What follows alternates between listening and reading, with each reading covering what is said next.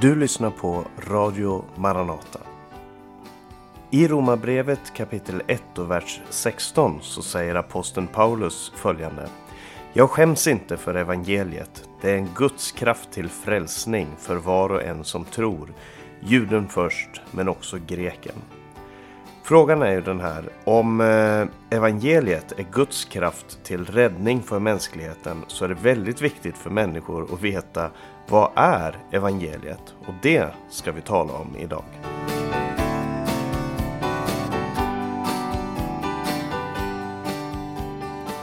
Vad är evangeliet om Jesus Kristus som Paulus kallar för Guds kraft till frälsning för var och en som tror? Evangelium är ett eh, väldigt välkänt kristet ord som används i många sammanhang av eh, kristna och, och det är säkert känt eh, också utanför de kristna kretsarna. Eh, ibland så säger man att evangeliet det handlar om att Jesus har kommit för att lära oss vad det betyder att vara goda människor. Alltså att evangeliet är en, en, eh, någonting socialt, det handlar om, om hur vi interagerar med andra människor och att det var det Jesus lärde oss. Andra säger att eh, eh, evangeliet det handlar om att Jesus har, har lärt oss hur, hur vi ska kunna tro på Gud på ett sätt som gör att Gud kan lösa alla våra problem. Ekonomiska problem, hälsoproblem och så vidare. Evangeliet handlar om frihet ifrån ekonomiska problem, problem med hälsan, problem i det stora hela i vårt liv. Det här kallas ibland för framgångsteologi. Och så finns det förkunnelse om att eh, evangelium handlar om att om du tror på Jesus så ska du få komma till himmelen. Det sker någonting magiskt med när du hör evangeliet och när du tror på Jesus som gör att du får en slags stämpel på ditt liv som gör att du får komma till himmelen.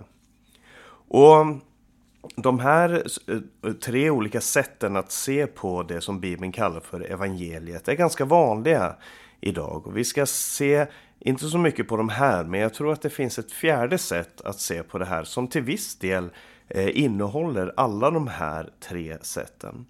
Eh, men vad är evangeliet för någonting? Det betyder det glada budskapet eller ett glädjesbudskap. Det är ett grekiskt ord, euangelios, som betyder ett gott budskap eller ett glatt budskap. Och det finns en viktig vers i Gamla Testamentet i Jesaja kapitel 52.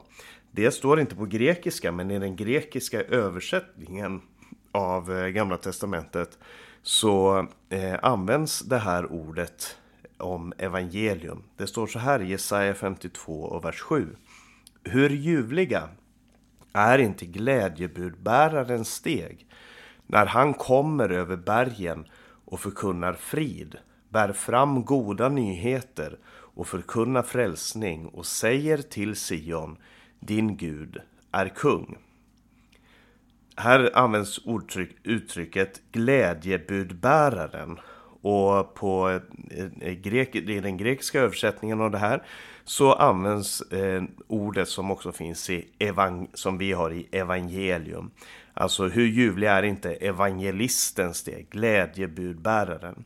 Och det här, här tecknas det en bild av en person som, som kommer springande eh, från en plats där han har fått sin information. Han kommer springande över bergen och han förkunnar fred.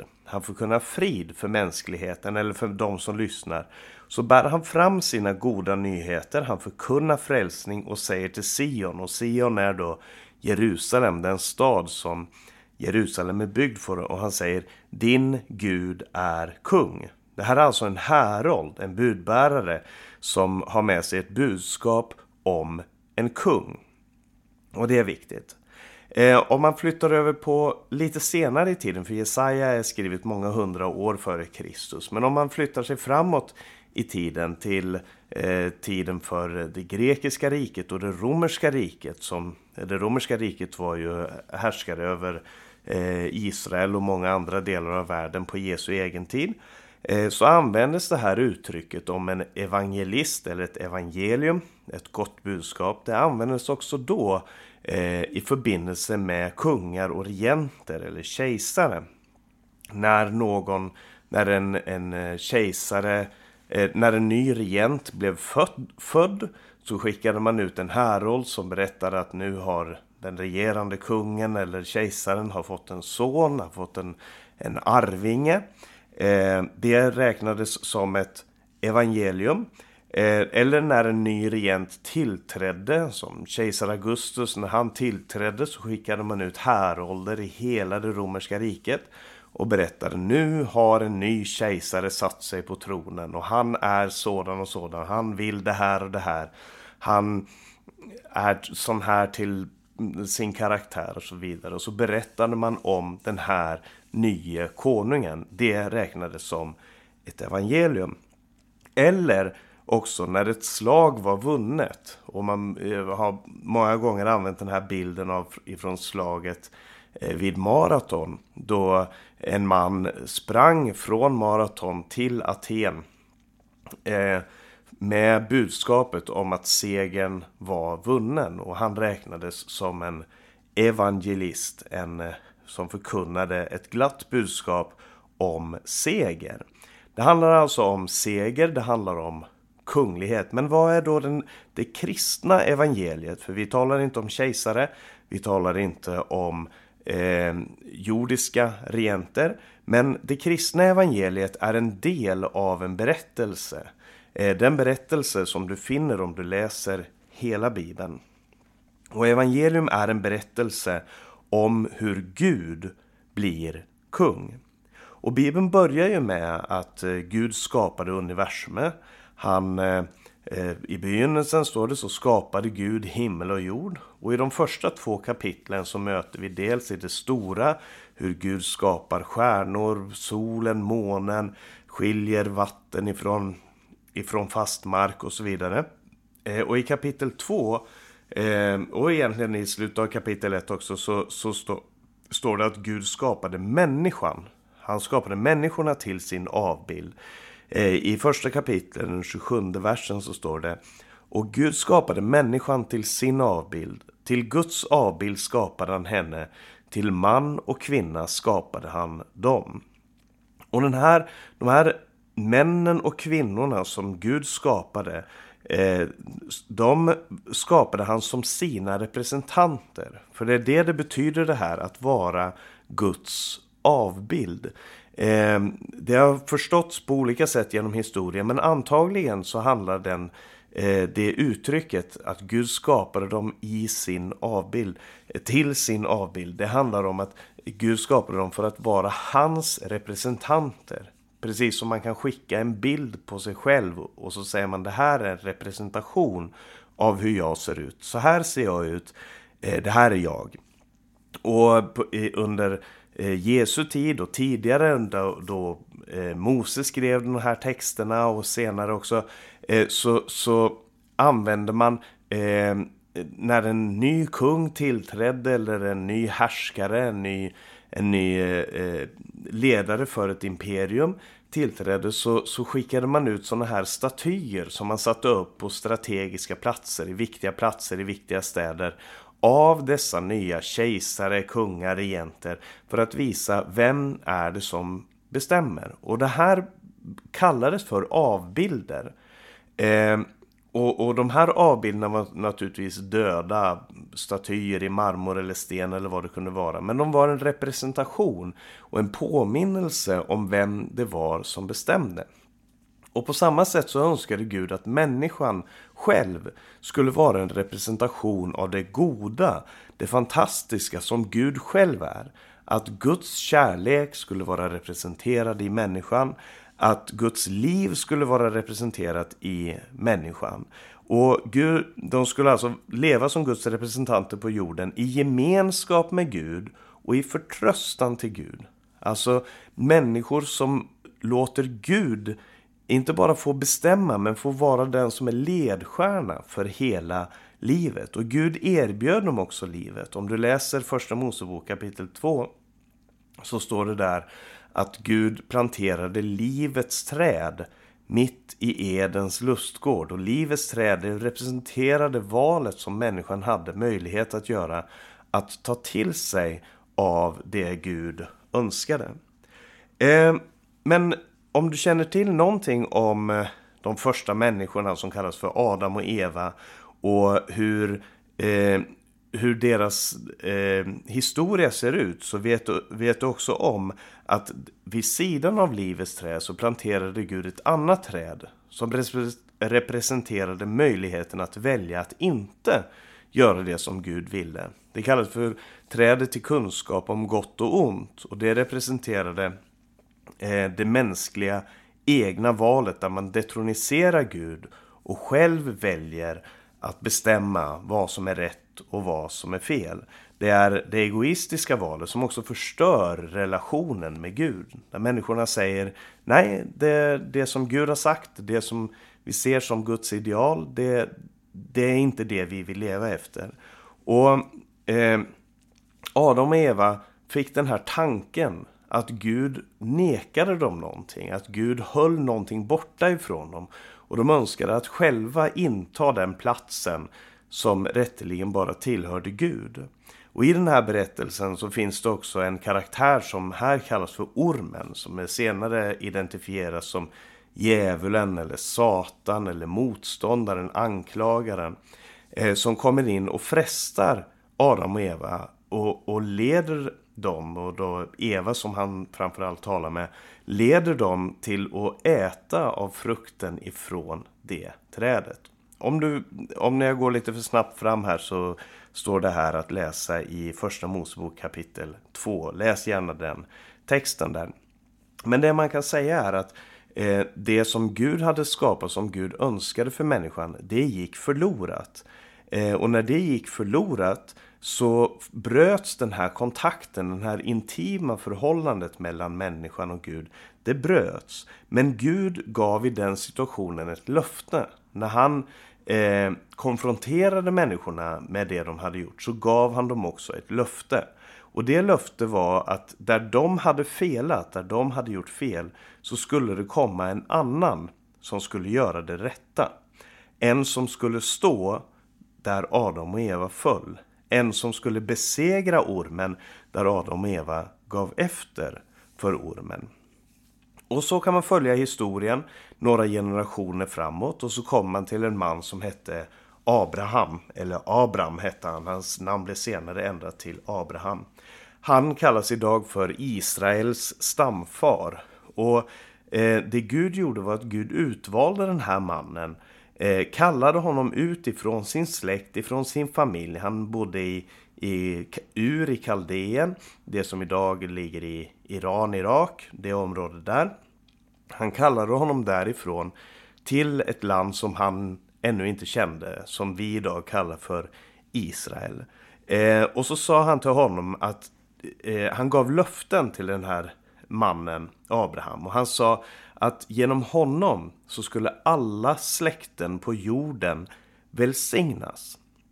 Så den välsignelse som gick förlorad när Adam och Eva vände sig bort ifrån Gud, den skulle komma genom Abrahams ett. Eh, genom hans avkomma. Och det, eh, det var en... Han talar alltså om detsamma som han talade om till Adam och Eva. Det löftet som han hade gett om att Eh, eh, det skulle komma en som skulle besegra eh, ormen som skulle stå där människorna föll. Eh, och genom Abraham så kommer, de, de kallas ju för patriarkerna, hans son Isak och Isaks son Jakob och Jakobs tolv söner som blir stamfäder för hela Israels folk. Och Gud lovade att genom det här folket så skulle han välsigna hela mänskligheten. Hela mänskligheten skulle bli upprättad i Abrahams familj, genom Abrahams folk. Och när man läser historien av, som Bibeln beskriver den så ser vi där att det finns väldigt många som försöker härska på jorden med olika, på olika sätt. Eh, några försöker härska enligt Guds ursprungliga tanke, nämligen genom kärlek, barmhärtighet, rättfärdighet, rätt, sanning och så vidare. Men de stora världsrikena som beskrivs i Bibeln, det assyriska riket, det babyloniska riket, medopersiska, det grekiska och det romerska riket, de eh, är härskare som framförallt härskar genom våld och förtryck, genom krig, genom konflikter, med svärdets makt helt enkelt. Och det här representerar det som Bibeln kallar för vilddjurskrafter. Precis som ormen är ett vilddjur som är dödligt så representerar de här rikena eh, vilddjurskrafter i världen som förstör, som, som eh, bryter ner, som dödar, mördar och så vidare och som står emot det som Gud hade tänkt. Eh, nämligen att vi skulle vara Guds representanter på den här jorden och härska genom kärlek, genom självuppoffring, genom barmhärtighet, genom trofasthet och så vidare. Och om det här gäller i det stora, alltså när det gäller de stora världsriken och vi kan idag tala om stora världsriken som USA och eh, Ryssland och Kina och, och andra världsmakter eh, så gäller det också på det personliga planet. Alltså vi, har, vi är alla härskare över någonting. Vi, vi eh, härskar över vår tid. Vi, vi eh, är representanter för, för vår familj, för våra nära relationer, för våra vänner och så vidare. Där, där vi har makt, där vi har möjlighet att antingen sprida Guds kärlek och Guds tanke på den här jorden eller någonting helt annat.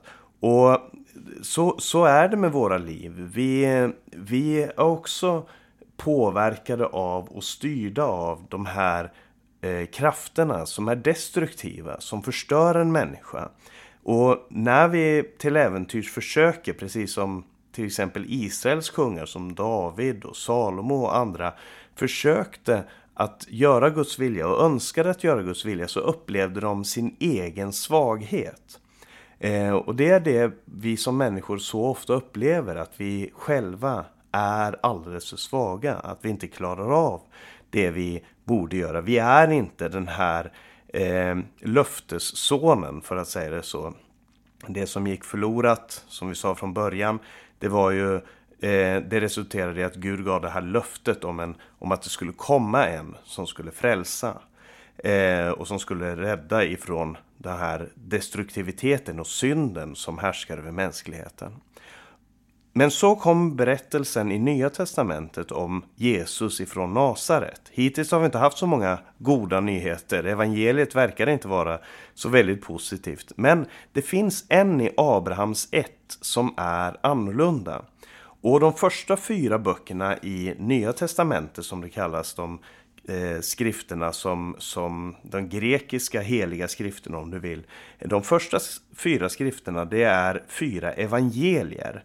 Det är berättelsen om en kung. Det är berätt de goda nyheterna om en kung som kommer. Men Jesus är en annorlunda kung. Jesus ifrån Nasaret, han helar istället för att döda. Han rör sig bland de fattigaste istället för att söka en position i samhället. Och han lider istället för att söka härskarmakt. Och han visar Guds kärlek. Han är den Guds representant som vi människor aldrig har klarat att vara. Eh, berättelsen om Jesus slutar ju med att eh, han blir, eller inte slutar med, men den leder fram till att han blir tillfångatagen och han blir dömd till döden. Och här är det än en gång ondskan i mänskligheten som gör sitt allra värsta emot Guds egen son. Men Jesus bär den här ondskan i sig själv. Han bär den här synden i sig själv och frivilligt så dör han för sina förövare. Då Jesus blev korsfäst så ropade han ut Fader förlåt dem för de vet inte vad de gör. Och vi är inte bara neutrala åskådare till den historien. För det, den samma fegheten, egoismen, fientligheten, maktbegäret som korsfäste Jesus. Det samma giftet finns i oss. Samma ormens natur finns hos oss människor. Eh, och, och fram tills nu så är det bara negativa nyheter därför att eh, det finns ingen seger. Det finns inget gott budskap att förkunna. Men de goda nyheterna förkunnade de första kristna är att den här Jesus som blev korsfäst, han är krönt till kung av Gud själv. Gud lät honom uppstå igen från de döda och han lever idag. Han vann seger över den här ormen och han öppnade vägen tillbaka till gemenskap med Gud. Det här är evangeliet. Att Gud har blivit kung genom Jesus som är Messias Kristus, den smorde som det betyder. Eh, och att det finns en seger över döden som vi tidigare aldrig har haft tillgång till. Eh, Jesus är om du vill eh, vägen tillbaka till livets träd. Han är själv livets träd. Jesus säger, jag är vägen, sanningen och livet. Ingen kommer till Fadern utom genom mig. Och det här resulterar i ett nytt liv. Bibeln kallar det för himmelriket. Ett nytt rike där Jesus är kung. Och Jesus sände ut sina lärjungar med det här budskapet ut i världen. Och vi som idag är troende är resultatet av att det här har förkunnats genom 2000 år. Det här att om man litar på Gud så förändrar sig livet här på jorden. Om man ger sin allians till den här kungen, om man svär trohet till den här kungen, eller som, eh, som Bibeln säger, den som tror, den som i sitt hjärta tror att Gud har uppväckt Jesus från de döda och med sin mun bekänner att Jesus är Herre, han skall bli frälst, han ska bli räddad. Så om man litar på det här som Gud har gjort så förändrar sig livet här på jorden. Och Gud kallar oss till att bli hans lärjungar, hans elever som strider mot ondskan i den här världen med kärlek, med nåd, med förlåtelse. De här maktmedlen som Gud har gett till sin församling.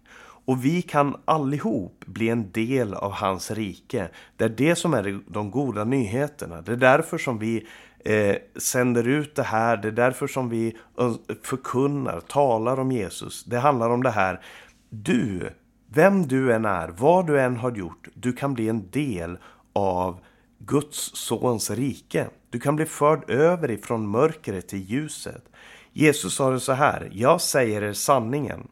Den som hör mitt ord och tror på honom som har sänt mig, han har evigt liv. Han drabbas inte av domen utan har gått över från döden till livet. Det står i Johannes evangeliums femte kapitel och den 24 versen. Och det är verkligen evangelium, de goda nyheterna.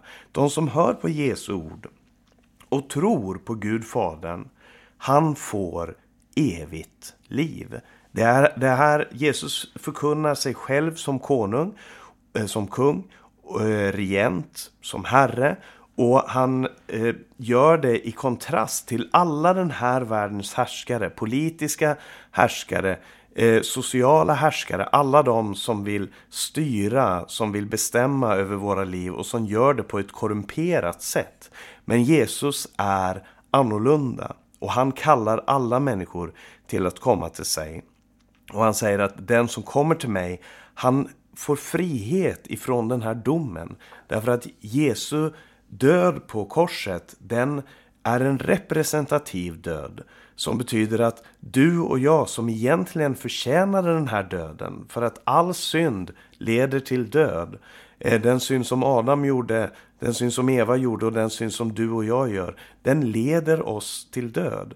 Men de goda nyheterna är att för den som är i Jesus Kristus, den som tror på honom, som ger sitt liv till honom, så finns det en utgång ifrån döden, att få gå från döden till livet. Det är evangelium. Gud är kung genom Jesus ifrån Nasaret. Om du vill höra mer om det här underbara evangeliet så är du välkommen att eh, kontakta Maranataförsamlingen. Du är välkommen att kontakta oss och du ska, vi ska lyssna till en sång eh, och sen så ska du få lite kontaktinformation och lite mer information om Radio Maranata. Men vi lyssnar till en sång. Idag Det gamla evangeliet, det gamla evangeliet.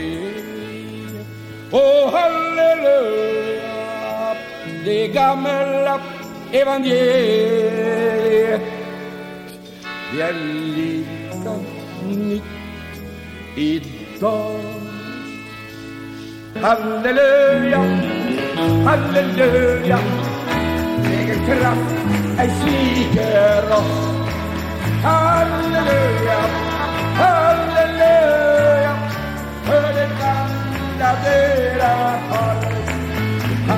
Halleluja, halleluja.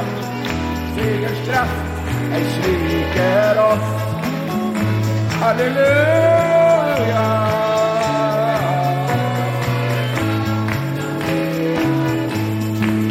Det som håller liv i mig är en helgande och eld, helgande och eld, helgande och eld. Ja, det som håller liv i mig är en helgande och eld. Jesus, en helgande och eld. Det som håller liv i mig är en helgande och eld, helgande och eld, helgande och eld. Ja, det som håller liv i mig är en helgande och eld. Glory, glory, glory, Sabaditas me. Glory, glory, glory, Sabaditas Glory,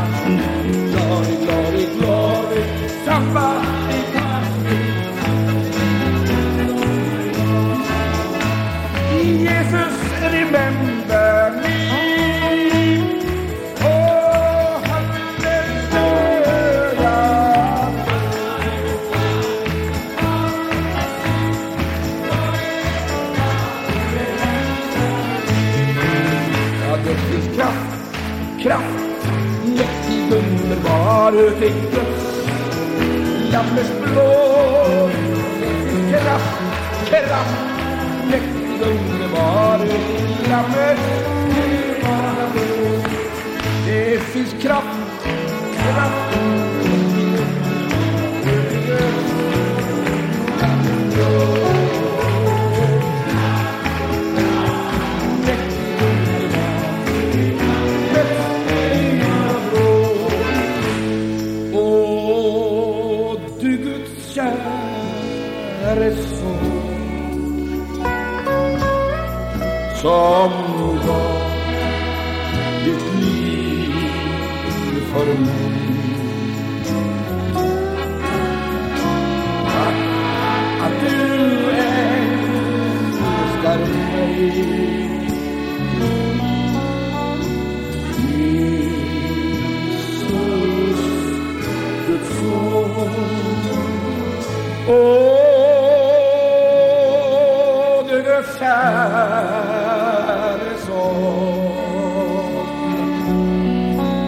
som gav ditt liv för mig. Tack att du älskar mig.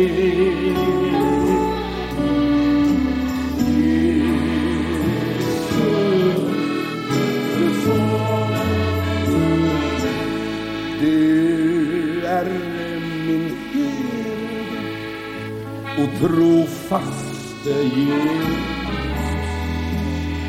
Tack att jag är Du har lyssnat till ett program ifrån Radio Maranata Stockholm med mig Paulus Eliasson. Och Radio Maranata sänder över Stockholms närradio 88 MHz. Om du vill komma i kontakt med oss så kan du gå in på vår hemsida maranata.se.